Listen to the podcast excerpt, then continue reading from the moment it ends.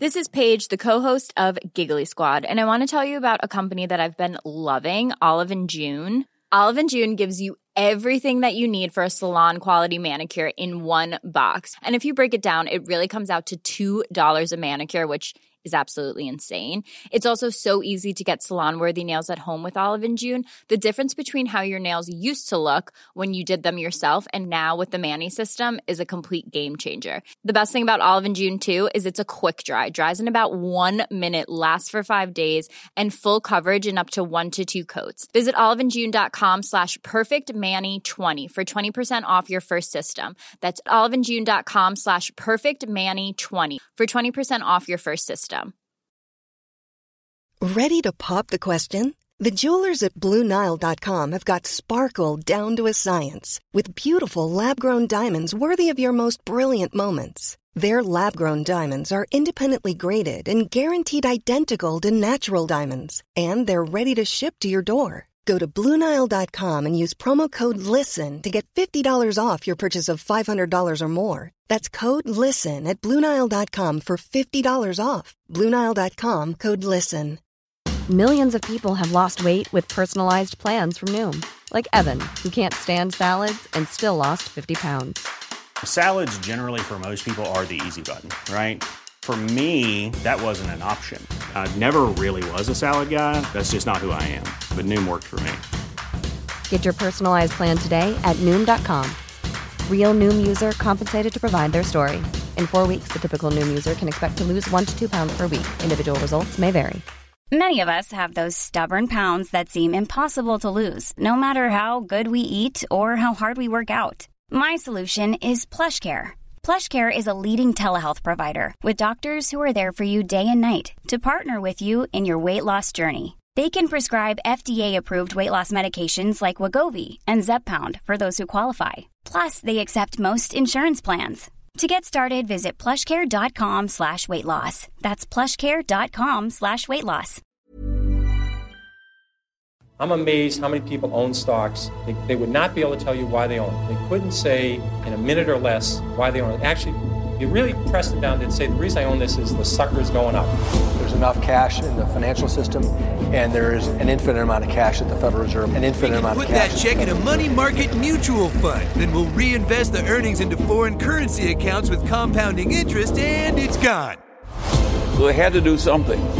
All they had left was just to print money and start buying things. And that's what they did. Quick buck artists come and go with every bull market, but the steady players make it through the bear market. They say money can't buy happiness. Look at the fucking smile on my face.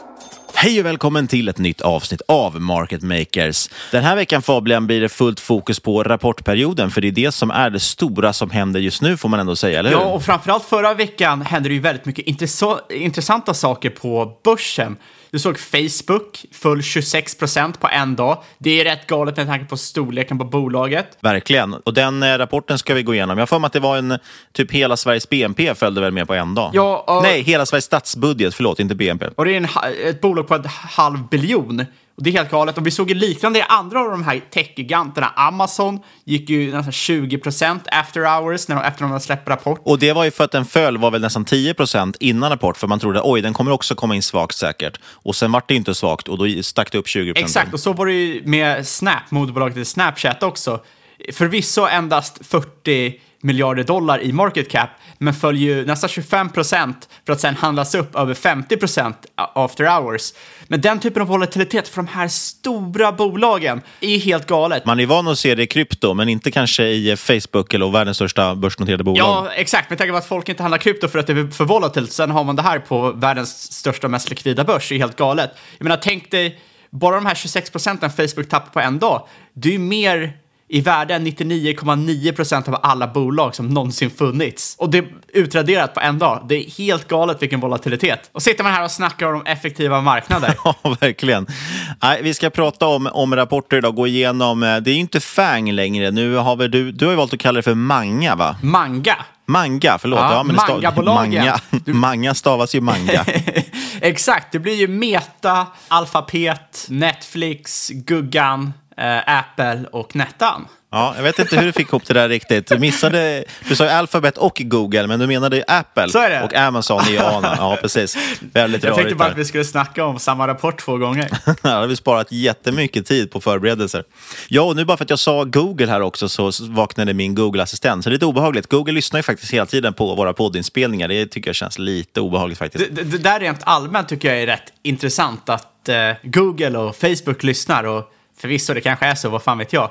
Men folk underskattar verkligen hur lätt det är att targeta med data. Hur, för alla vill ju tro att man är unik, att man är väldigt svår att eh, förstå sig på. Du syftar ju på det här nu att många säger att om de pratar om eh, Carlsberg till exempel så får de sända upp annonser för Carlsberg på Facebook. Och så tror man då att det, det är en mikrofon som, som lyssnar på en i mobilen. Exakt, men gre grejen är att du behöver väldigt, väldigt lite datapunkter på en viss person för att kunna veta vad de gillar för kläder, vad de har för, för musiksmak, vad de menar, går och handlar sin mat, vad de föredrar för matbutik, eh, vad de föredrar för telefon. Och det här behöver du inte ha någon speciell machine learning-algoritm för.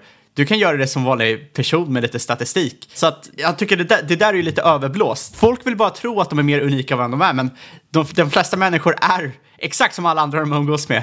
Bor du på ett visst ställe, shoppar på ett visst ställe, ja då kommer antagligen majoriteten av allt annat du gör också vara exakt som de du umgås med. Ja, och framförallt rent tekniskt också känns det ganska enkelt och motbevisa att, att telefonen skulle hela tiden spela in och, och ladda upp allt du säger. För då, då skulle man ju ganska enkelt kunna kontrollera det och titta på datan som dras. Eh, dat, det skulle dras ganska mycket data om den konstant skulle streama ditt ljud till Google. Och det skulle kräva ganska mycket datorkraft för Google att hantera allting du säger hela tiden. Det är ju faktiskt en anledning, det är därför man tränar de här Google-assistenterna på just den här termen, till exempel Hej Google, för att den ska lära sig känna igen den även offline. Eh, hade de behövt processera allting online hela tiden så hade det tagit alldeles för mycket datorkraft. Men däremot var det rätt intressant. Jag tror det var Samsung som hade en tv för några år sedan, eh, där de hade liknande typ av kommando, du skulle kunna röststyra tvn. Men där löste de det faktiskt med att den hela tiden lyssnade och skickade datan till Samsung för, för behandling, för att den skulle kunna tolka datan. Problemet var att det kom fram, dels som sagt att den streamade konstant, så de streamade allting som hände i ditt vardagsrum rakt in i Samsungs huvudkontor. Dessutom visade det sig att det var, gjordes helt okrypterat, så det var en helt okrypterad kanal där vem som helst kunde gå in och lyssna i ditt vardagsrum om du hade en Samsung-tv. Det låter, Rätt det intressant. låter ju lite som de här, äh, vad heter de, 11818? Det var helt öppen databas, man bara kunde gå in och kika. Tänker på 1177, ja. 1177? Precis, Vad är vårdupplysningen. 11818? 118, 118 118 var ju nummerupplysning. Det. Används inte så jättemycket längre. Daterar man sig själv, som man säger. Ja, däremot 1177, ja, precis, de outsourcade ju sin eh, telefoniväxel på något sätt och sen skickades det någonstans ner till Thailand tror jag var, där det stod en server. Och den var ju helt okrypterad tydligen. Riktigt snyggt. Men du, vi ska ju såklart nämna vår samarbetspartner Aktier, AXYER, som vi älskar och använder. De har under veckan lagt till stora, stora nyheter. Dels är det jättekul, vi ser att det bara exploderar antalet användare på den här plattformen och det är väldigt mycket bra, intressanta diskussioner om aktier. Dessutom har de under veckan lagt till amerikanska bolag. Tidigare har det bara varit svenska bolag framför allt och med all information om dem. Nu finns det amerikanska bolag också så du kan följa dem och det kommer här under kommande veckan också nyheter då också för de amerikanska bolagen. Jag tycker faktiskt det är klockrent. Jag följer ju ett gäng svenska bolag i aktierappen som jag gillar och då plingar det ju till och så får jag pushnotiser när det kommer intressanta nyheter där och så kan jag gå in kolla diskussionen kring just det bolaget. Och nu kommer även det för amerikanska och då kommer man också få amerikanska nyheter. Sen håller vi på och jobbar med också att det ska komma en portföljfunktion. Man ska kunna sätta upp och simulera en, en virtuell portfölj. Och det där blir ganska intressant. Vi har ju pratat om att kanske stoppa in vår Twitterfond som vi håller på med in i där också. Ja, exakt. My mycket intressant på G. Men kom ihåg, ingen rådgivning eller rekommendation sker i den här podcasten. Vi berättar bara om vår process och hur vi tänker. Gör alltid din egen analys och glöm aldrig att alla investeringar är förknippade med risk. Ja, och vi går väl in på veckans tre snabba, eller veckans topp tre. Och det första det är ju den här nedgången i krypto. Nu har det studsat ganska rejält i kryptomarknaden, men det var ju en rejäl nedgång där. Och tur var väl det, för McDonalds nu ledde ju ligan i USA för January Jobs One Month Net Change, alltså största ökning i nya jobb. Man adderade 151 000 anställda. Antagligen lite tack vare kanske att krypto gick ner och många slutade daytrada. Ja, det var, det var ju kul.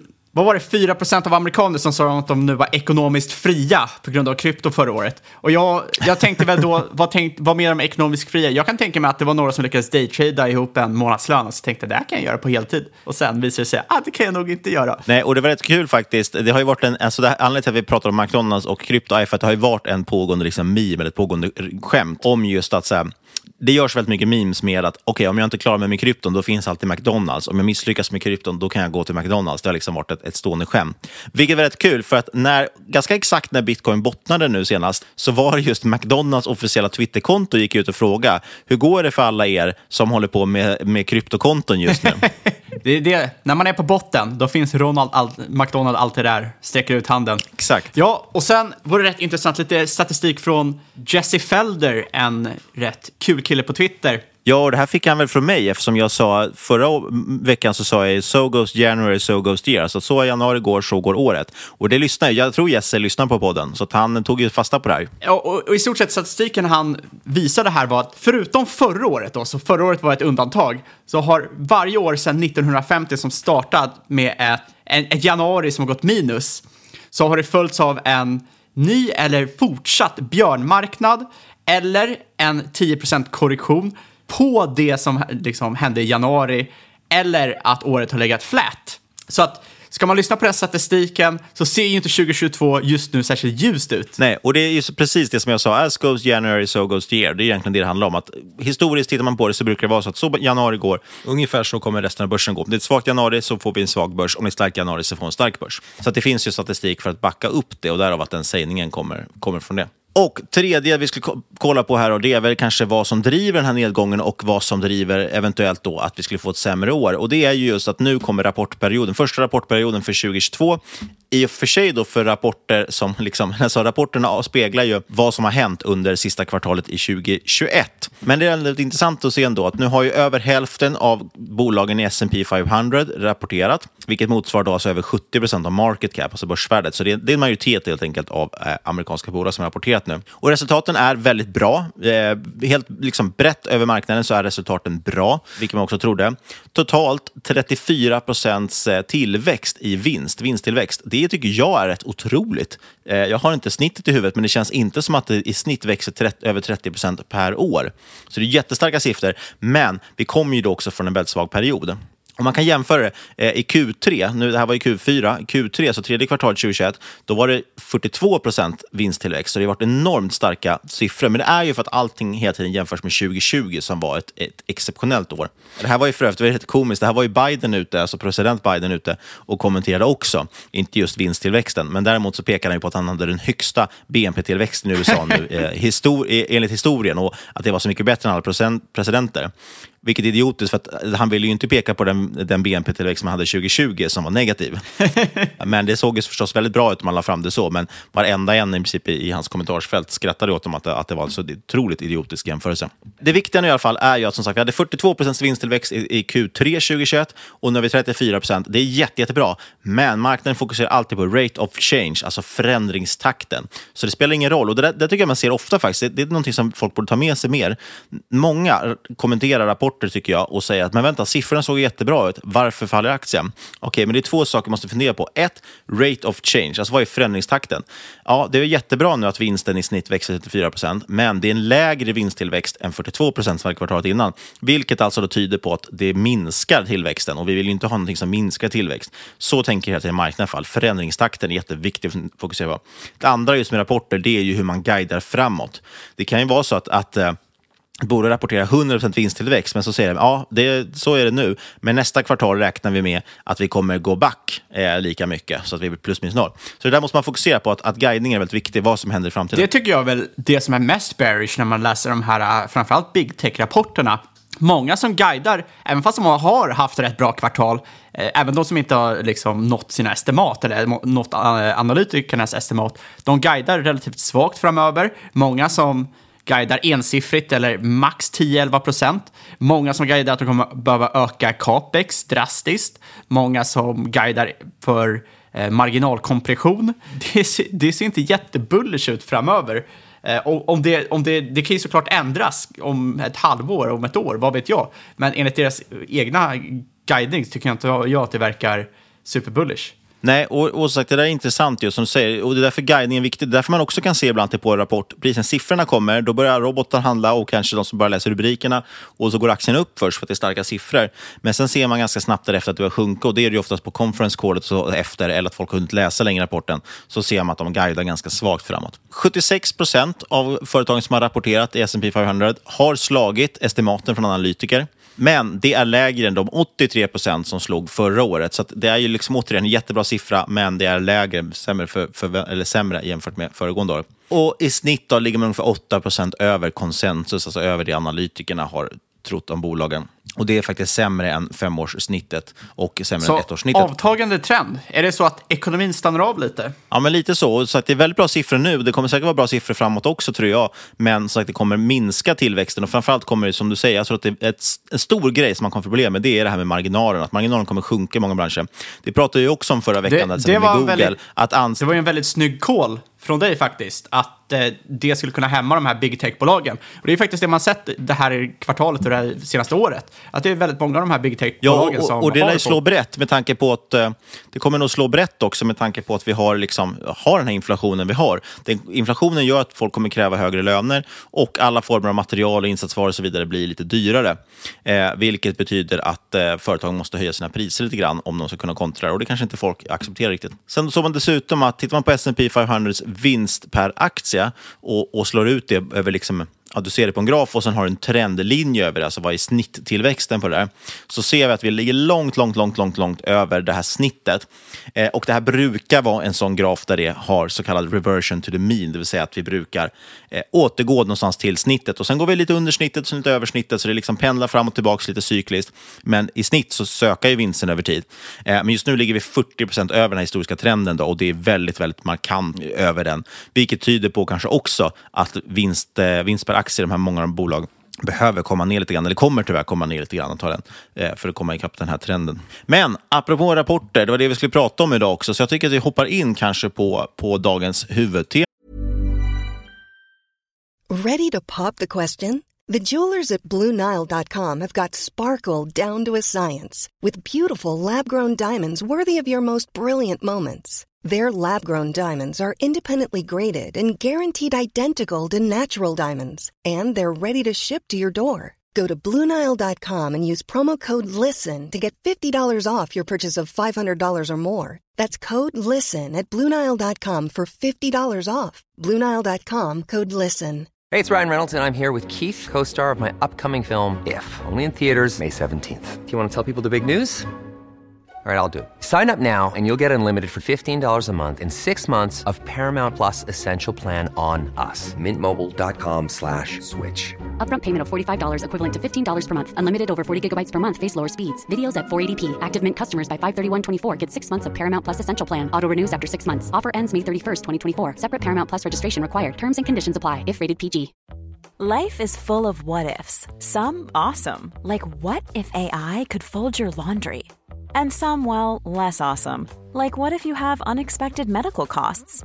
United Healthcare can help get you covered with Health Protector Guard fixed indemnity insurance plans. They supplement your primary plan to help you manage out of pocket costs. No deductibles, no enrollment periods, and especially no more what ifs. Visit uh1.com to find the Health Protector Guard plan for you.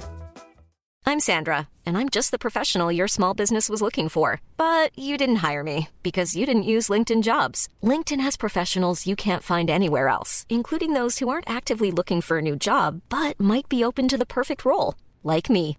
In a given month, over 70% of LinkedIn users don't visit other leading job sites. So if you're not looking on LinkedIn, you'll miss out on great candidates like Sandra. Start hiring professionals like a professional. Post your free job on linkedin.com/people today. Quality sleep is essential. That's why the Sleep Number Smart Bed is designed for your ever evolving sleep needs. Need a bed that's firmer or softer on either side? Helps you sleep at a comfortable temperature? Sleep Number Smart Beds let you individualize your comfort so you sleep better together. JD Power ranks Sleep Number number 1 in customer satisfaction with mattresses purchased in-store. And now, save 50% on the Sleep Number limited edition Smart Bed for a limited time. For JD Power 2023 award information, visit jdpower.com/awards. Only at a Sleep Number store or sleepnumber.com.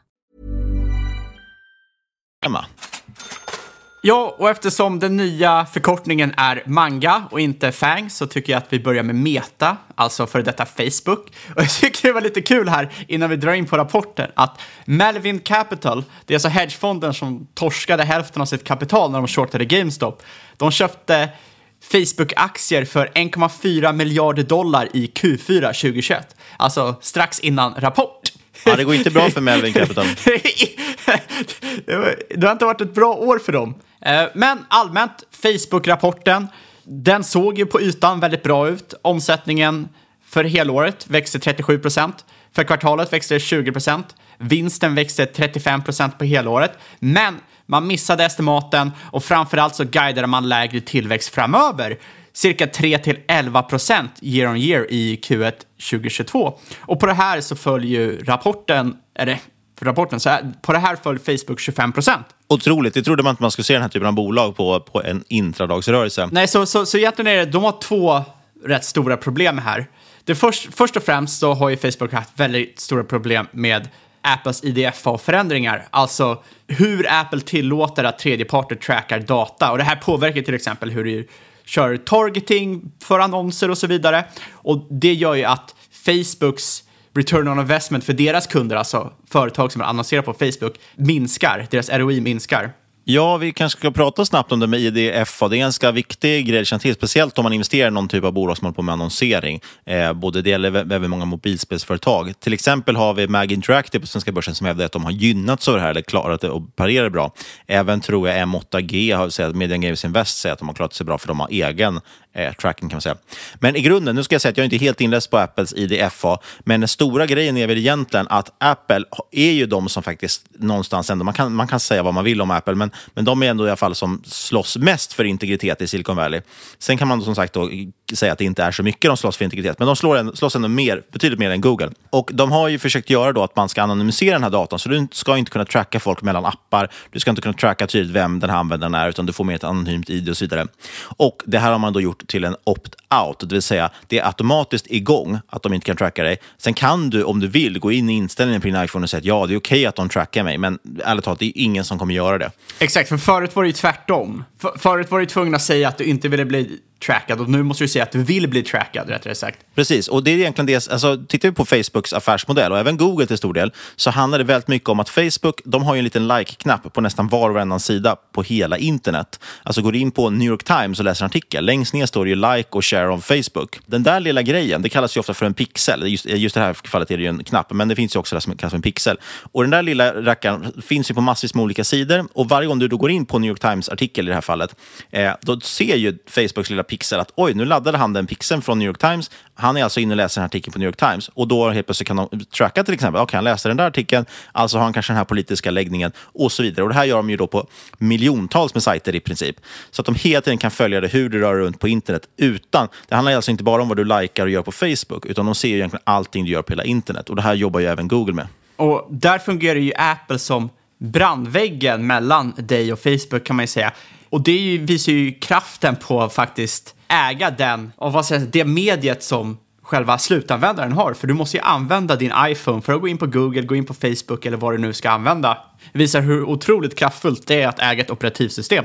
Eh, och det är väl eh, till viss del varför Google kanske har klarat sig bättre också. De har ju ett operativsystem via Android. Och att de till stor del är liksom din, alltså vår väg in på nätet. De äger ju den största sökmotorn, vilket gör att de kan ju också tracka dig genom var du har sökt på någonting Exakt. och komma in på det. Därmed får du en enormt mycket större insyn än om du bara hade följt deras Facebookflöde.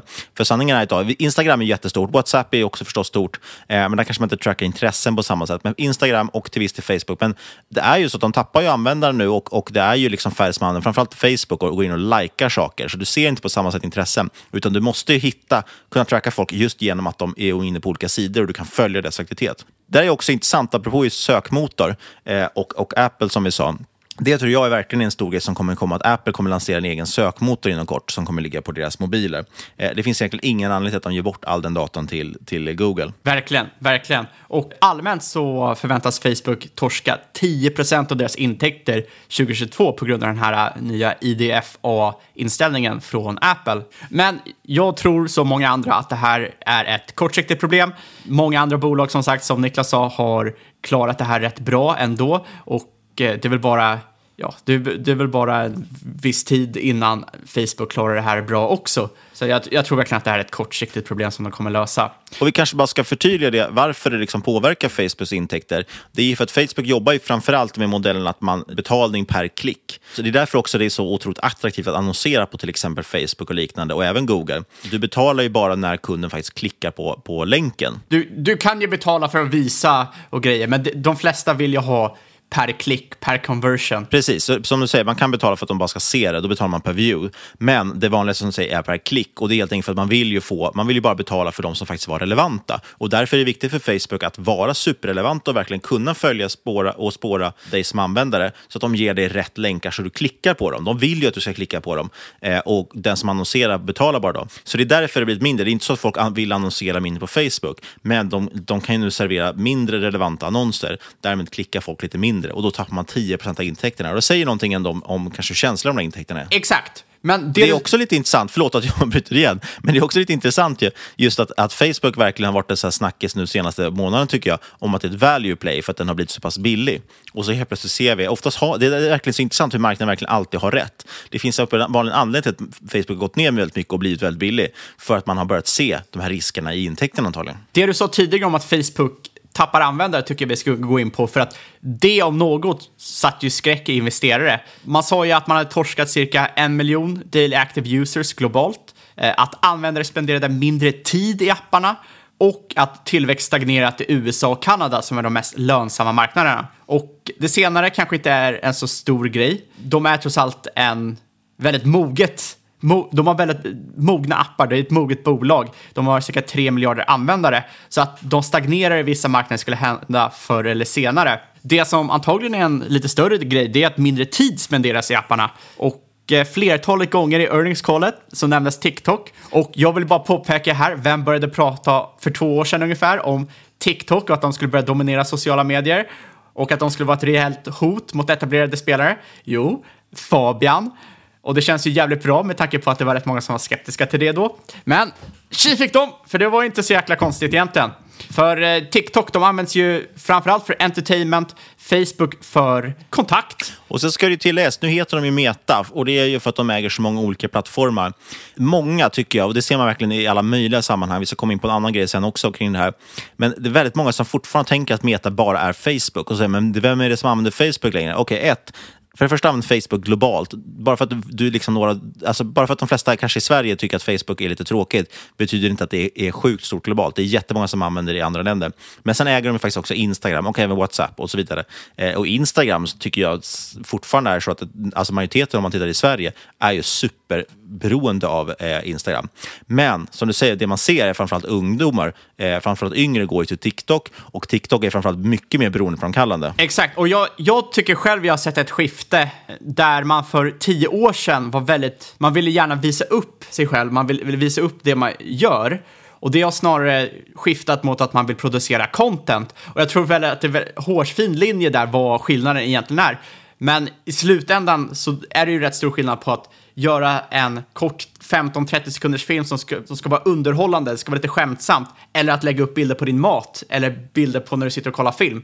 Eh, så jag ser väl att det börjar skifta allt mer. Folk vill hålla det de gör på dagarna mer hemligt, medan de kanske vill visa ut, upp en annan, kanske mera fake persona eh, utåt. Och det säger Facebook också. De säger mycket av det här att folk lägger inte upp lika mycket på feeden längre. De skickar ju det snarare i personliga meddelanden. Och det är någonting som de strugglar lite med, någonting som de vill... Eh, ja, ja för den är ju svår. För det, det är ju mycket svårare att få in annonser. Alltså om, om det har kommit in annonser i ens chattflöde hade man blivit tokig och bytt plattform ganska fort tror jag. Senaste två åren har ju deras största grej varit stories på, på Instagram. Och Eh, det är de här små knapparna högst upp ovanför flödet. Men det, det monetariserar de ju inte särskilt bra. Så att deras största dragning på plattformen är någonting som de inte monetariserar. Och nu har de ju möjligheten med Reels som ska vara en TikTok-kopia. Men de eftersläntrar ju där, de försöker ju alltid komma ikapp. Ja, och tittar man på videoinnehåll till exempel på Facebook så ser man att majoriteten, alltså över säkert 80 procent, är ju snott. Antingen från TikTok oftast eller ibland från eh, YouTube också. TikTok har ju den här galet bra marknadsföringen. Att så fort du laddar ner en TikTok så är det en liten vattenstämplad TikTok-logga. Det var ju så de började växa från början. Att folk laddade ju ner sina TikToks, la upp dem på Facebook eller Instagram eller Snapchat. Och sen såg ju folk, vad fan är det här TikTok? Jag ser jättemycket roligt härifrån. Så laddade de ner appen och så började de köra där istället. Ja, jag, jag förstår ju fullständigt varför investerare blir rädda. För tappar man fortsatt användare framåt, då kan det gå rätt snabbt nedåt. För reklamnätverk, det är ju nätverksbaserat. Så minskar användarbasen så kommer värdet på det här reklamnätverket att minska väldigt snabbt. Så skiftar fler användare mot TikTok så drar ju företagen dit också. Och eh, allt fler företag skiftar ju nu en allt större del av sin marknadsföringsbudget till TikTok från 2 till 3 procent 2021 till 7-10 procent 2022. Och det här ska bli rätt intressant att se hur det spelar ut sig, för TikTok är en helt annan reklamplattform än Facebook. Det går inte bara copy och pasta. Jag skulle hävda att det är mycket lätt lättare att göra reklam på Facebook än vad det är på TikTok. För att just nu i alla fall, det är väldigt lätt att få en return on ad spend som det heter på Facebook. Facebook är lite som en indexinvestering medan TikTok är lite mer om en stockpicking. Så det finns ju potentiellt två case här. Det första är att allt fler användare rör sig till exempel mot TikTok, allt fler företag följer med, även om de kanske inte får så jättebra return on ad spend. Det andra är att företagen märker att de inte får så bra return on ad spend och sen går tillbaka till Facebook, för även om användare minskar så kommer de ändå få bättre ROI där. Eh, det är svårt, jag vet inte vad correct call är där. Men en annan sak jag också har tänkt på, jag vet faktiskt inte om Facebook är ett bra köp här eller inte. Jag, jag, vet inte vad du tycker Niklas, men kikar man bakåt så ser det ju väldigt billigt ut. De tra eh, tradas ju på en free cash flow multipel på cirka 17. 6 free cash flow yield och det kan man nog alla säga är väldigt, väldigt bra. Men då är frågan, är det här fria kassaflödet hållbart? Man ser ju då som sagt avtagande reklam på plattformen. Man ser framförallt ökad capex, ökar med typ 70 procent det här året. Eh, och det innebär ju minskade marginaler. Så att eh, kikar man bakåt kanske man blir jättelurad när man eh, går framåt för att det här bolaget kanske är mycket dyrare än vad det ser ut nu. Å andra sidan är den populära traden att vara negativ till Facebook och kan ju vara lite kul att vara lite contrarian där. Jag vet faktiskt inte. Jag vet, det ser ju jättebilligt ut när man kollar bakåt, men det finns mycket headwinds för Facebook just nu. Framförallt har de ju metaverse. Det är ju lite av en cash burn. Och där du helt måste, du måste lita på Mark Zuckerberg, att han vet vad han gör, att han kommer kunna lägga pengarna på rätt sätt och om det inte blir någonting att han kommer kunna klippa det tillräckligt snabbt. Ja, men precis. Och, och det är det här jag... Jag känner mig väldigt tveksam till Facebook just nu. Jag, jag kan tänka mig att jag var positiv säkert inte alls för länge sedan. Men nu börjar man se att det vänder lite grann och det blir ju också då väldigt mycket negativt sentiment kring bolaget. Eh, vem ska vilja äga det när det känns så här pass osäkert? Liksom? Och man märker också att det krävs ganska lite för att, att tippa över bolaget åt fel håll. Och som du säger, det jag tycker verkligen känns skakigt, det är det här med metaverse. Eh, vi pratade om det redan i avsnitt 205, Into the metaverse. Just det här grejen med att hur mycket man, pass man satsar på metaverse, det kommer att kosta enormt mycket. Eh, och man måste tro på den utvecklingen. Jag sålde det lilla, jag tror jag hade Facebook då, men jag har ju sålt det lilla Facebook jag hade just för att jag känner att men jag litar nog inte riktigt på den visionen. Jag litar inte på att de kommer vara de som vinner på det här. Inte sett i pengar i alla fall. Jag tror att många av deras verktyg de utvecklar och, och äger kommer bli jätteanvända säkert och jättebra. Men jag tror kanske inte man har den typen av marginaler i metaverse. Det är jättekonstigt när man ska sitta och lägga massor med pengar på metaverse. Eh, framförallt lägger man jättemycket eller jättestor andel av sitt earnings call att prata om metaverse och lägger jättelite att prata om till exempel WhatsApp som har två miljarder användare som man inte alls monetariserar särskilt bra. Ja, och det tycker jag faktiskt också de har varit väldigt dåliga på. Det, det känns som att de har svårt på något sätt att få till det här med annonser. Just som du säger, de nyttjar inte stories på rätt sätt, de nyttjar inte riktigt reels på rätt sätt heller eh, och de kan inte liksom monetarisera chatten. Så jag vet inte riktigt vad. De, de är extremt starka sett till hur mycket data de äger och användare, men, men de monetariserar dem inte riktigt korrekt. Exakt, hade de kunnat monetarisera monetarisera WhatsApp, monetarisera stories och reels på Instagram och framförallt dra igång eh, social commerce. Att till, så, så, att, så, att, det blir vanligt. Varför ska du inte gå in på Instagram för att handla? Varför ska du gå till jag menar, H&M.se eller någon konstig klädbutik? Så fort du ser kläder på Instagram så skulle du kunna klicka hem det och köpa. Det är jättekonstigt att det inte har brett ut sig bredare än. Och där tycker jag att de missar jätte, jättemycket. Och så nu ska de satsa på metaverse. Det, ja, det ser jättebilligt ut, det ser intressant ut, jag måste medge det, men jag är eh, skeptisk. Sen kommer det bli lite andra grejer också. De provar väl det här liknande som Twitter, att man ska kunna ha premium stories. Alltså du ska kunna ta betalt som Instagram-kreatör eh, och, och, ta betalt och för vissa att få vissa stories. Du ska kunna välja att det här ska gå till mina premiumföljare. Så, så det kommer ju sådana grejer också, men jag tror inte att det är så enorma pengar i det. En liten kommentar bara som jag såg här om, eh, om eh, Metaverse, eller då framförallt Oculus.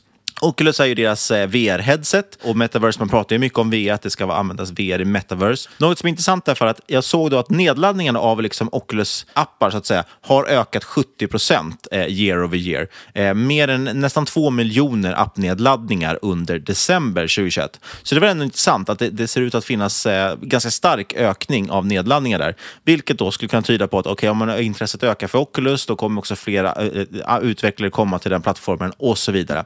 Ändå intressant att de verkar gå åt rätt håll där, men som många andra så har man lite svårt att se just det här VR-headset-trenden, att den verkligen ska sätta sig stenhårt. Så nej, jag ställer mig inte tvekande till eh, Meta. Ja, men som vi sa för kanske tio avsnitt sedan i och för sig. Men jag, jag, är väldigt tveksam till att Metaverse ens kommer vara VR och AR-baserat. Jag ser inte varför inte Metaverse bara innebär att när, när, du lever mer på internet än i verkligheten. Absolut, och den, den är ju redan här. Liksom. Vi ser det i Roblox, vi ser det i Fortnite, vi ser det i alla möjliga sammanhang att, att folk lever mer och mer på internet och skapar sin persona i Instagram, Twitter eller vad det är för någonting. Absolut. Ah, jag är lite tveksam till Facebook, men du, vi hoppar vidare till nästa bolag. Ja, det är Apple, nästa bolag. Det är inte så mycket att säga här. Dubbelsiffrig omsättningstillväxt och vinsttillväxt. Rekordrapport för kvartalet eh, för både omsättning och vinst.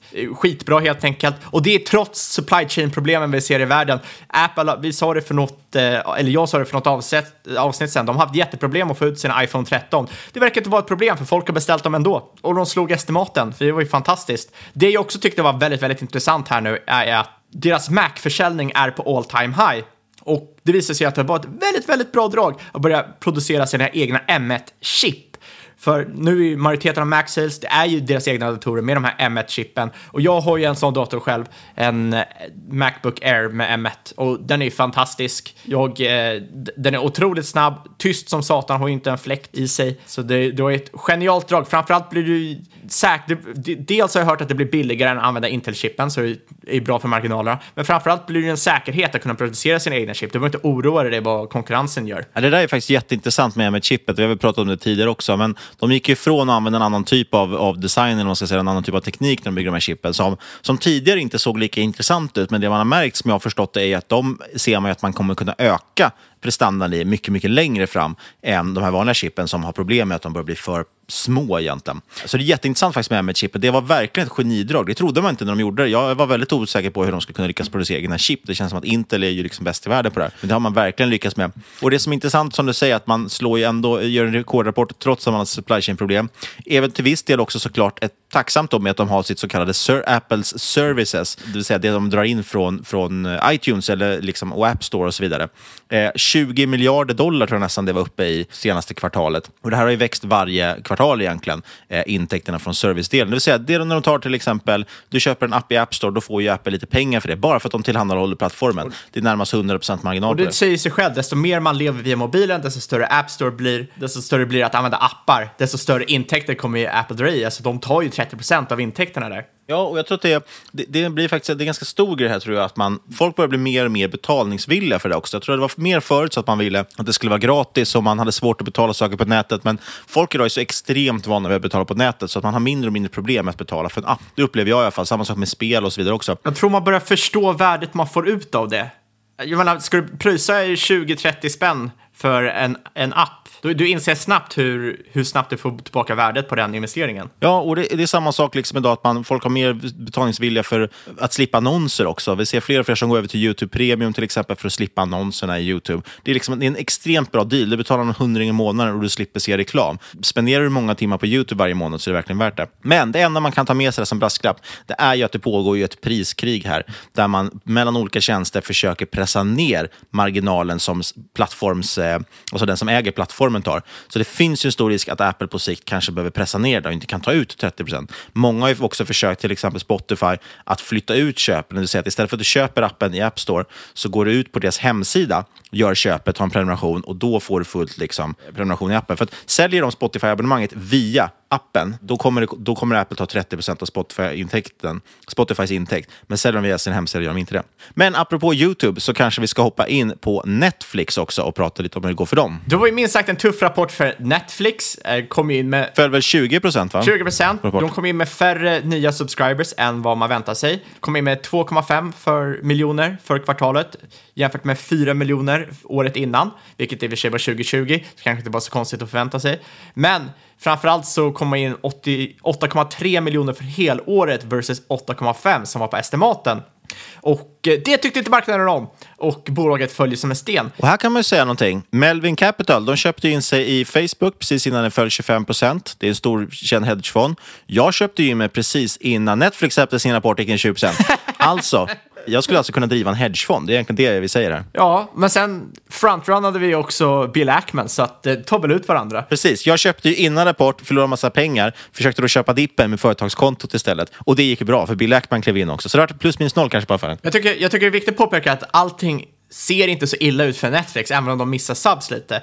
De sa också att de hade minskat churn, vilket är otroligt imponerande, för den var redan väldigt, väldigt låg. De har ökat tittande så att även under 2021 så tittade folk på mer saker på Netflix, vilket gör ju att framöver antagligen kommer churnen gå ner ännu mer. Det kanske är en lite mättad marknad, men de kommer i alla fall ha kvar sina abonnemang. Dessutom hade Netflix årets största tv-serie, det var Squid Game. De hade sina två största filmreleaser någonsin, Red Notice och Don't Look Up. Och så hade de flest nomineringar och vinster för en studio i både Emmys och Oscars. Så att jag tycker det är mycket snack om konkurrensen och att Netflix inte har någon kvalitet, men jag tycker det där motbevisar lite. Eh, framförallt så tycker jag kanske att det är lite det här med fokus på kvalitet, till exempel det HBO har, är väldigt överskattat. Men det som är underskattat är ju snarare entertainment value. Var får tittaren mest underhållning? Vad kommer de lägga majoriteten av sin tid på? Eh, och streamingtjänsterna så är det ju Netflix de facto för att de har mest content. Det finns mest att kolla där så de kommer lägga massa majoriteten under tid där. Men kollar man overall, det är där risken kommer. Det är ju nästan utanför de här eh, streamingtjänsterna som HBO, Netflix och Disney+. Det kanske är snarare YouTube och TikTok man ska vara varsam för för man ska inte underskatta det här. Man ska inte underskatta dels att det är en lägre time commitment att kolla YouTube och TikTok. Det är väldigt många som dras till det här att kunna lägga tio minuter på YouTube snarare än bara lägga två timmar på en film. Det är ofta därför folk drar sig till tv-serier också. Kolla 30 minuter här, även om du spenderar lika mycket tid så känns det skönt. 30 minuter, 30 minuter, 30 minuter. Nej, men Netflix tycker jag känns väldigt intressant. Och som du säger, konkurrensen, absolut, det är jättestor konkurrens, men det är fortfarande så att väldigt många, till exempel i USA, kör fortfarande kabel-tv och så vidare. Alltså det finns fortfarande jättemycket mycket publik som du kan dra in på streamingtjänsterna. Jag oroar mig inte jättemycket för att Disney Plus är en bra tjänst. Jag tror att man behöver Disney Plus och Netflix. Jag tror att majoriteten av människor, i alla fall i rika liksom, länder, kommer att skaffa flera streamingtjänster också och ha separat. Och TikTok, absolut, men TikTok är inget att smälla upp på tvn. Däremot sitter du och scrollar TikTok medan du kollar på någonting på Netflix. Exakt, och det, det, det är ju det jag menar egentligen, att eh, jag, jag tror att det finns plats här för flera streamingtjänster, men det är det man egentligen ska hålla koll på, det är hur mycket någon använder en tjänst, för att desto mindre du använder en tjänst, desto större sannolikhet för att churnar. Om då liksom människor föredrar att sitta och scrolla Netflix för att de tycker att det är skönare än att behöva välja ut en film. Scrolla en TikTok menar du antar Ja, exakt. Scrolla en TikTok, inte scrolla Netflix. Då är det en större risk än att du ska sitta och välja filmer mellan olika plattformar. Det finns ju plats för båda, men du har bara 24 timmar på ett dygn. Och det kommer tillbaka lite här mot liksom, kvalitet. Netflix har dålig kvalitet. Det spelar ingen roll. Kolla hur många som kollar på Mr. Beasts videos på YouTube. Det är ingen som kan säga att det är superhög kvalitet. Det är en snutt, liksom. det är en YouTube-video. Det har en väldigt begränsad kvalitet när det är liksom 5-10 personer som står och spelar in det här. Men det drar ju miljoner personer, 20-30 miljoner som kollar det här varje video. Så att det är där man kommer in entertainment value versus kvalitet. Nej, och man ska inte underskatta just det här slötittandet som finns också. Folk sitter och slöscrollar medan de slötittar. Många tv igång, alltså Netflix och sånt, medan de jobbar idag när de kan jobba hemifrån och så vidare. Så det, det, är väldigt, väldigt stort det. Samma sak med YouTube förstås också, att man har gående medan man sitter och gamer. Däremot tycker jag verkligen Disney känns jätteintressant också, speciellt nu med tanke på att man ska öppna upp alla parker och så vidare. Eh, de, de kanske har varit öppna ett tag, men det lär ju vara en massiva bokningar kan jag tänka mig för sommaren nu också. Turister och så vidare kommer in. Och det är ändå deras stora kassako. Jag tror att Disney är verkligen helt rätt positionerade på flera fronter. Di- Disney har ju Sen- så otroligt intressant ekosystem. Vi har pratat det flera gånger, bland annat i avsnitt 207, eh, så det kan gå tillbaka och lyssna på om streamingkrigen. Men hela deras ekosystem där, att de har ju det här med eh, Disney Plus för att få in liksom, folk att titta på deras content, för att sen skyffla dem vidare till bio, för att sen skyffla dem vidare till sina parker, för att skyffla in dem i merch.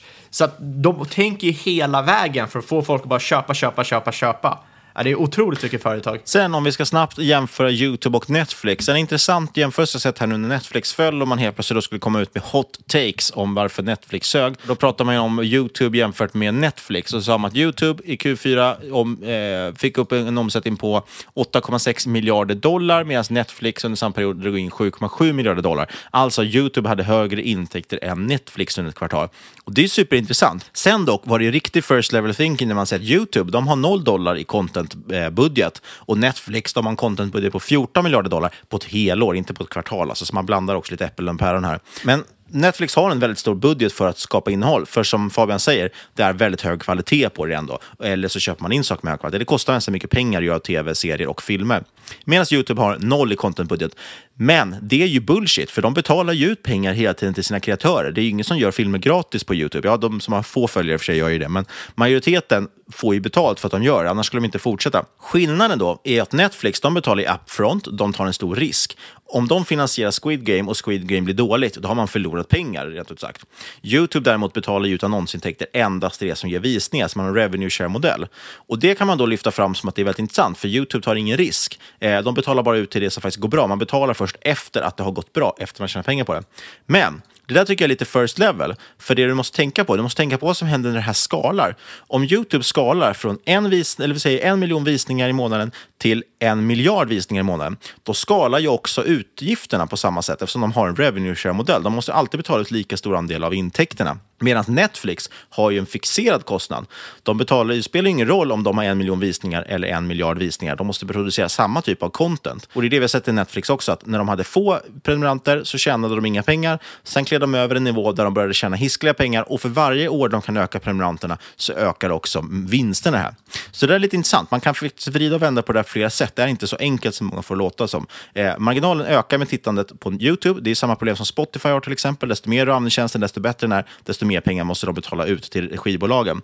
Medan Netflix har konstanta marginaler, eller fixerade marginaler. Nej, förlåt när man fixerade kostnader, vilket gör att marginalen kan skala. Så det tycker jag är intressant. Exakt, och det är det som många också missar med Netflix. Det som är fördelen med YouTube och allmänt med user-generated content, det är ju att, som säger, ingen investering. Och framförallt, det skalar ju väldigt, väldigt bra eftersom det alltid kommer komma in fler folk på plattformen som vill göra content. Eh, och det gör ju att du håller igång nätverkseffekten. Den, den blir väldigt effektiv på en plattform som YouTube. Så att den, de sanna siffrorna är att ja, Netflix de lägger ungefär 14 miljarder dollar på content per år just nu och då genererar de lite mindre omsättning än YouTube gjorde senaste kvartalet. Men YouTube lägger i snitt, man beräknar att de kommer att betala ut 16 miljarder dollar till sina kreatörer. Så de betalar alltså mer för sitt content än vad Netflix gör redan idag. Det, det som dock är intressant med YouTube, vi kanske ska hoppa över på Google när vi ändå börjar prata om det, Mm. men YouTube har växt sin omsättning fyra gånger om sedan 2017. Så det är en jäkla bra tillväxtmaskin där. Och, och missförstå mig rätt, det är inte så att jag hackar på YouTube. Jag tycker YouTube är en fantastisk plattform. Ja, ja, vi börjar här med,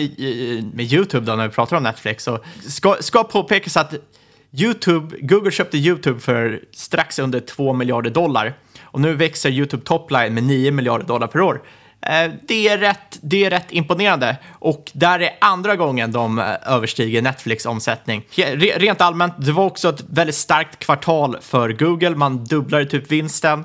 De verkar faktiskt ha gynnats rätt bra av eh, Apples förändringar. Det har väl varit så. Folk har lämnat Facebook, gått över till Google eh, istället. Det är en rätt hård bransch, marknadsföring, dog-it-dog world. Jag kan tänka mig, nu, nu spekulerar jag fritt här, men jag kan tänka mig att antagligen har man väl sett på Facebook att man stoppar in pengar, får inte lika mycket klick. Men för det är en väldigt datadriven, jobbar man med, med olika typer av annonsering på nätet så är det extremt datadrivet. Och ser man då att okay, vi får mycket bättre resultat, eller vi får fortfarande samma resultat, men Facebook har blivit sämre resultat på, på Google, då kommer man öka sin annonseringsbudget på Google förstås. Eh, och som vi sa, de äger ju de har ju fortfarande så mycket bra data oavsett vad Apple gör för förändringar till i, integritetsfrågor eftersom de själva ser allt du söker på, allt du youtubar på och så vidare. Ja, framförallt är det ju svårare att se vem det är som klickar, vem som det är som köper. Så att du som företag kan ju inte använda den datan heller.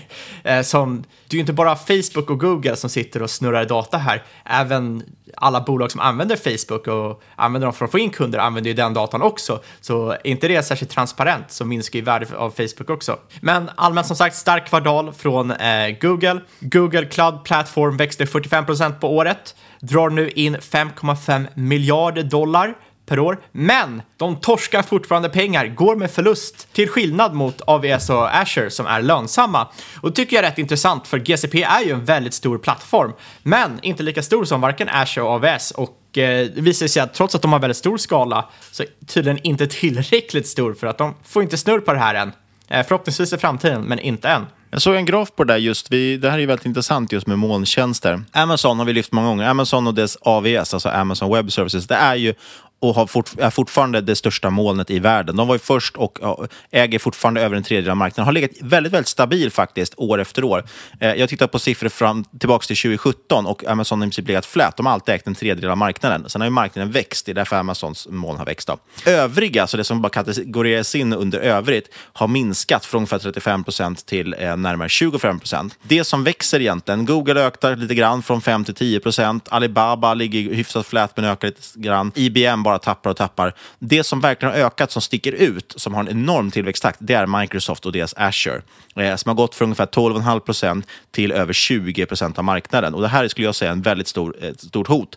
Eh, men så här, Google, jag har väldigt mycket folk som, som pratar väldigt väl om Google och säger att Google Cloud är superbra. Jag tror att Google Cloud framförallt väldigt starka inom AI, det är det de satsar på mycket med machine learning och så vidare. Och jag upplever också, som sagt, nu tittar jag bara från vad jag själv ser, så upplever jag att många yngre företag, startups och så vidare gillar Google väldigt mycket, det är lite mer modernt kanske. Eh, men de flesta företag kör ju det där Microsoft Office och så vidare och gillar då att man bara stoppar in det i Microsoft Azure, det blir väldigt smidigt i samma konton och så vidare. Det är min hobbyanalys av eh, molntjänstmarknaden. Oavsett så har alla väldigt fina marginaler och växer väldigt starkt. Det är exakt den eh insikten jag har också, eller den analysen jag har också. Majoriteten av stora bolag, de använder redan Microsoft, de har ju Excel-paketet, allting, de kör redan där. De skulle förlora mer på att inte köra Azure, där du framförallt kan ha den här hybridmodellen som många verkligen vill ha. Större tech, mer etablerad tech som funnits ett tag, kör på AVS eller delad, alltså har flera services. Och många yngre bolag, framförallt startups, går till Google för de har så mycket bra gratis du kan använda där redan som funkar väldigt bra tillsammans. Precis, och det är väl egentligen samma sak som att använda till att folk väljer Google Docs istället för Microsoft Office i vissa fall. För det är gratis, man känner igen det. Som, är man lite yngre så tycker man inte att det är så viktigt att det är Word eller Excel. Men de äldre vill hela tiden ha såklart det, det etablerade. Så Google växer ändå kraftigt. Liksom. Och som du säger, de är väldigt duktiga på att ge ut bort saker gratis. Så man börjar bygga sina grejer där för att det är gratis och sen så skalar det upp medan företaget skalar upp. Exakt, så det funkar exakt likadant egentligen som Microsoft. Det som företaget använder och etablerar sig på, det kommer de sen antagligen använda som cloud service och andra produkter också. Eh, och det är därför de vill få in dig på så mycket i ekosystemet som möjligt, för då kommer du inte byta bort det. Och det viktigaste att ta med sig tror jag, det är att det finns plats för samtliga här. Sen kommer det åka upp och ner lite grann vilka som har vilka marknadsandelar, men det finns plats för samtliga och marknaden i sig växer enormt mycket. Det, det jag tycker man ska påpeka här är att Google, de verkar lida av marginalkompressioner, så då är verkligen det kallet du drog förra gången. Jag tror till och med att du pratade om just Google då. Och det, var ju, det är till stor del för att de har ökat overhead och de dras med de här förlusterna på sin cloud-plattform. De har jättefin fint kassaflöde. De har FCF på 67 miljarder i år. Men de säger också att de måste öka capex meningsfullt under 2022. Det kommer att dra ner deras fria kassaflöde. Så att, eh, det är väl liksom lite samma grej med, med eh, Facebook där. De måste öka sina investeringar och eh, det gör ju att bolaget kanske ser mer attraktivt ut i eh, bakspegeln än eh, framåt. Vi ska förstås också, jag har lite mer jag ska prata om molntjänster faktiskt, amerikanska molntjänster. Men vi kan bränna av de två sista bolagen först, som också är ju ändå molnproviders, som det fint heter. Och det första är Amazon. Eh, slog vinstestimat med råge, rusade cirka 20% after hours, alltså i efterhanden. Men det var ju som sagt för att de eh, i förhanden också gick ner nästan 10% eller vad, för att man trodde det skulle vara en svag rapport. Lite intressant här, eh, Rivian. Berätta Fabian. ja, de, de kom ju med en rekordvinst här och eh, folk var väldigt snabba på att påpeka hur värdelösa analytiker är, för de kommer med eh, vinst per aktie på 27 dollar eller någonting och estimat var väl på 2-3 dollar. Och så var man snabb på att påpeka hur värdelös eh, estimaten var. Men 11,8 miljarder av deras vinst på 14,3 miljarder, alltså cirka 80 procent, kom från deras ägande av Rivian, alltså det här eh, elbilsbolaget som noterades i Q4 förra året. Eh, och det var väl, de markerade väl mark to market på 100 dollar i sin redovisning. Rivian har sedan dess fallit cirka 6, 40 procent, det har väl halverats ungefär i värde. Så det, det är rätt intressant hur man skriver in det. Skulle man utesluta vinsten från Rivian Eh, den här one-off-effekten som inte kommer att finnas med nästa kvartal, då ser inte vinsten alls lika bra ut. Nej, det borde väl rimligtvis bli en förlust till och med nästa eftersom den nu har fallit 50 procent och då måste de ju sänka ner värdet igen. exakt, men räknar man bort Rivian och bara räknar deras core business så har jag för mig att vinsten till och med har backat. Alltså inte förlust, men då, det ser inte alls lika bra ut som i förra kvartalen, vilket man inte hade kunnat tro med tanke på reaktionen på marknaden. Dessutom är International Sales ner, alltså en av deras huvudsegment, där maskiner är ju såklart i reklam, vilket är rätt intressant. Amazon är väl tredje största reklamspelaren i världen nu och man är upp 33 procent för kvartalet och det här handlar ju främst om sponsrade produkter och brands när du går in på själva Amazon-portalen och ska handla. De dunkar ju upp hur mycket Eh, i stort sett eh, rekommendationer för vad du ska handla. I stort sett allt sånt är ju ads. Och sen är även deras tredjepartsförsäljning upp 56 procent.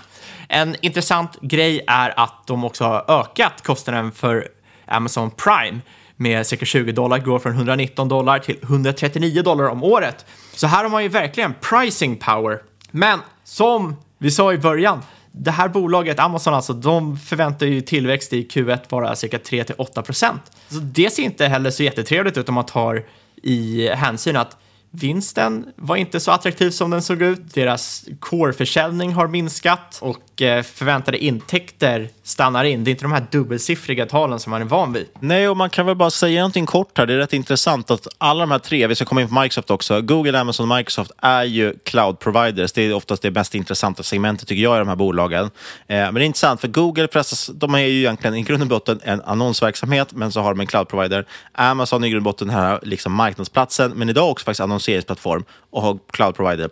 Microsoft någonstans lite mer renodlad cloud provider eh, i och med att de har flyttat allting till cloud. Det enda de har kvar egentligen är ju spelen kan man väl säga och, och lite hårdvara vid sidan av. Men intressant just att Google som sagt har en marginalpress Amazon eh, har ju väldigt svårt just det här med vinsten kring att okay, Prime nu och annonser går ganska bra, men, men just deras liksom, marknadsplats har ju varit alltid väldigt, det är lövtunna marginaler. Och som sagt, stor del av vinsten kommer nu från Rivia. Så att, lite svårare tycker jag att följa de två bolagen, men såklart superintressanta båda två.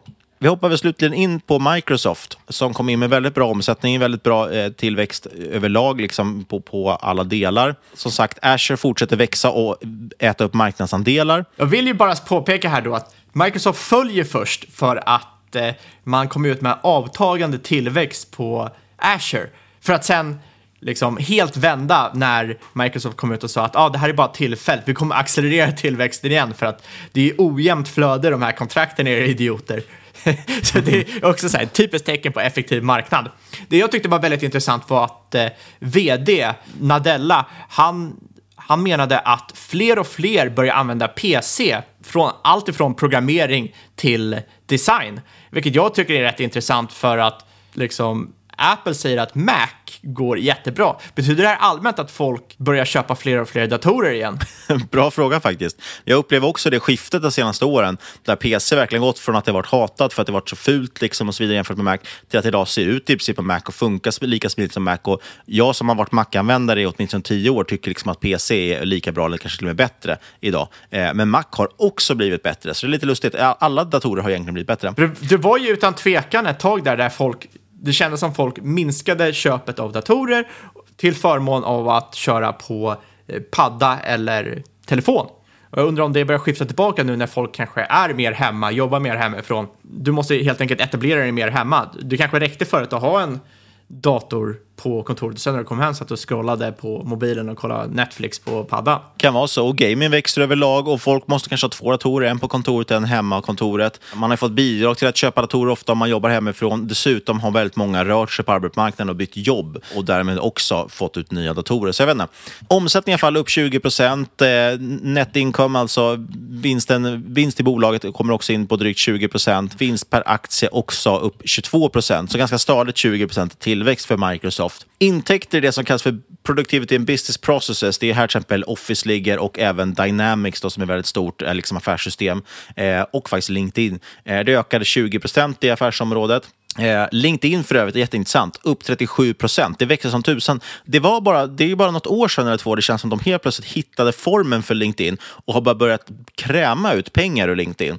Eh, och Det är väl för att man har börjat hitta säkert, det är väldigt mycket rekryterare som använder LinkedIn. Man har börjat jobba mycket med, med learning paths och, och certifiering och sånt via LinkedIn. Och det, det känns som att LinkedIn börjar bli väldigt, liksom, på något sätt lyckas de verkligen monetarisera jag, jag vet inte varför, men folk använder tydligen LinkedIn av en anledning. Och då som du säger, för att rekrytera, supersmidigt. Det är ju skitbra att ha prenumeration då. Majoriteten av de jag känner som har bytt jobb nyligen har fått sina nya jobb via LinkedIn. Alla jag Ofta känner rekryterare kör- som söker på taggar, hittar folk med viss kompetens, ringer upp dem eller skriver till dem på LinkedIn för att sen boka in en telefonintervju. I stort sett alla jag känner använder någon typ av rekryterare eller headhunter som hittar företag åt dem. Och väldigt, väldigt få sitter och söker jobb själv. Det som är intressant här då, LinkedIn, de hade intäkter på cirka 10 miljarder dollar. Det är rätt långt ifrån Facebook och, och Google som har några hundra. Men det är typ dubbelt så högt som Twitter. Ja, det är lite intressant. Twitter har faktiskt också varit historiskt dåliga på att monetarisera sina Ja, det användare. är helt fruktansvärt med tanke på hur bra plattformen är annars. Bara en tanke kring LinkedIn där. Kan tänka mig två saker som har drivit där. Dels är det ju som vi pratade till, det är svårt att hitta bra folk idag. Det är svårt att rekrytera inom många branscher. Framförallt den typen av branscher som kanske använder LinkedIn väldigt mycket. Så därför många går över till rekryterare och rekryterare gäller att använda LinkedIn. Det andra som är intressant, det vet jag inte hur mycket de nyttjar, men det känns som att de borde ha en fördel som man har data där. Det går ju att hitta kandidater som kanske inte själva än har insett att de letar nytt jobb, men de tittar ganska mycket nyfiket på andras statusuppdateringar, de tittar nyfiket på jobbannonser som dyker upp på LinkedIn och så vidare. Då har de ju faktiskt data, de kan ju antagligen förutspå att den här personen börjar bli redo att röra sig vidare.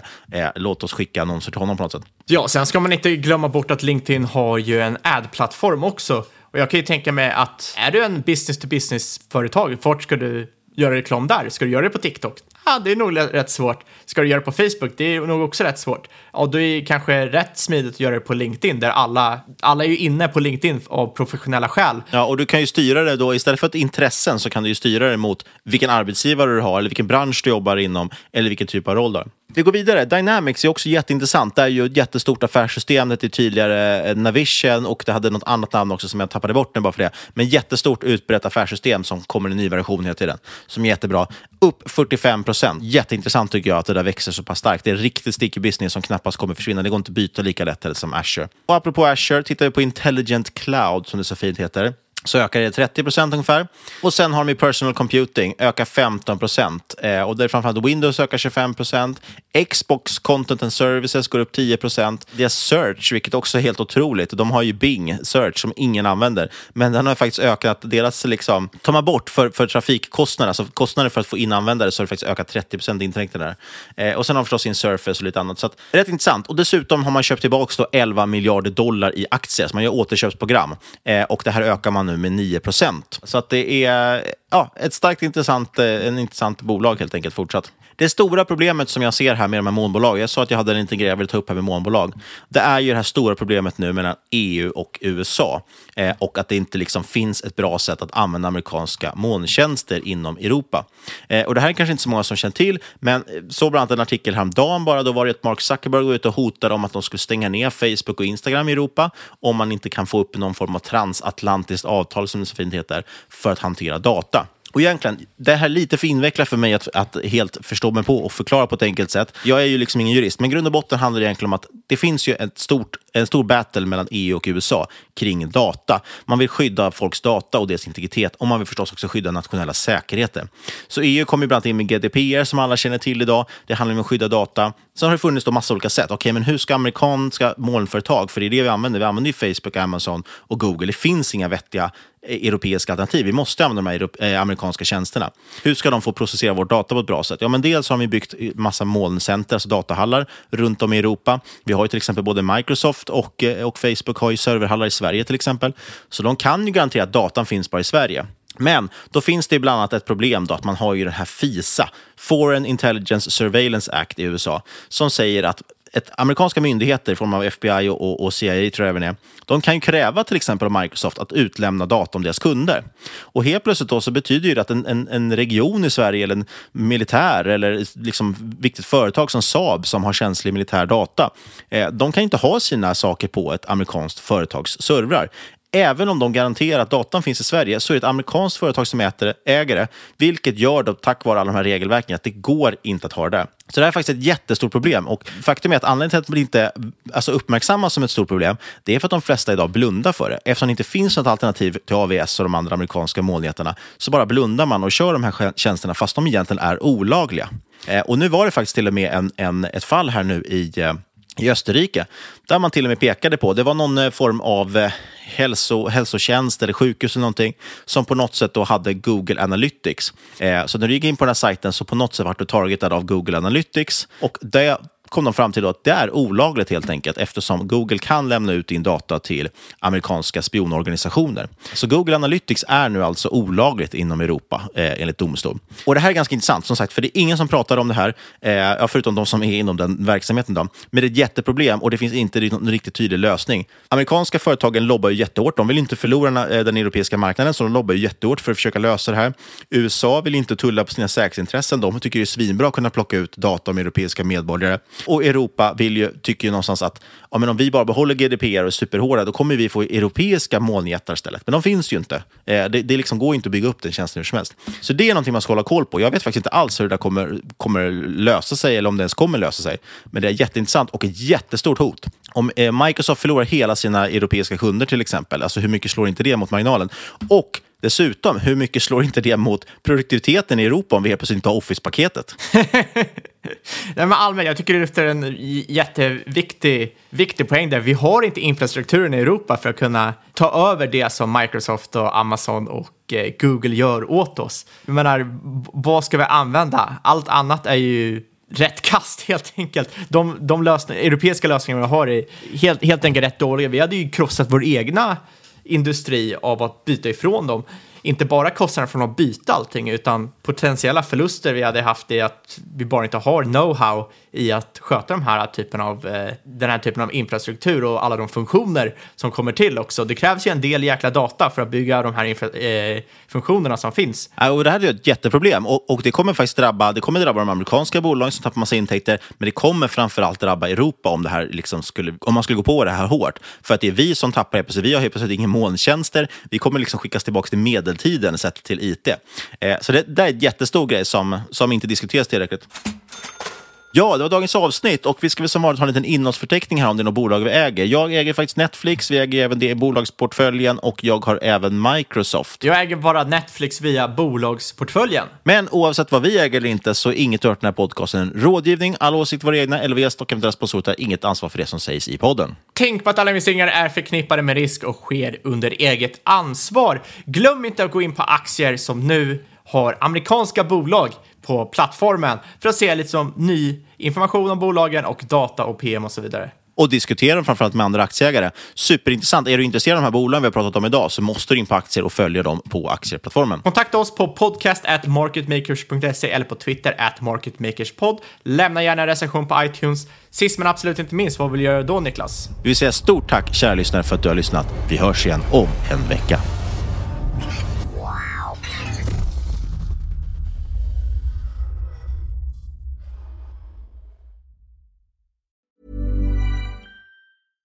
Selling a little or a lot? Shopify helps you do your thing however you cha-ching. Shopify is the global commerce platform that helps you sell at every stage of your business. From the launch your online shop stage to the first real life store stage, all the way to the did we just hit a million orders stage. Shopify is there to help you grow. Shopify helps you turn browsers into buyers with the internet's best converting checkout. 36% better on average compared to other leading commerce platforms. Because businesses that grow grow with Shopify. Get a $1 per month trial period at shopify.com slash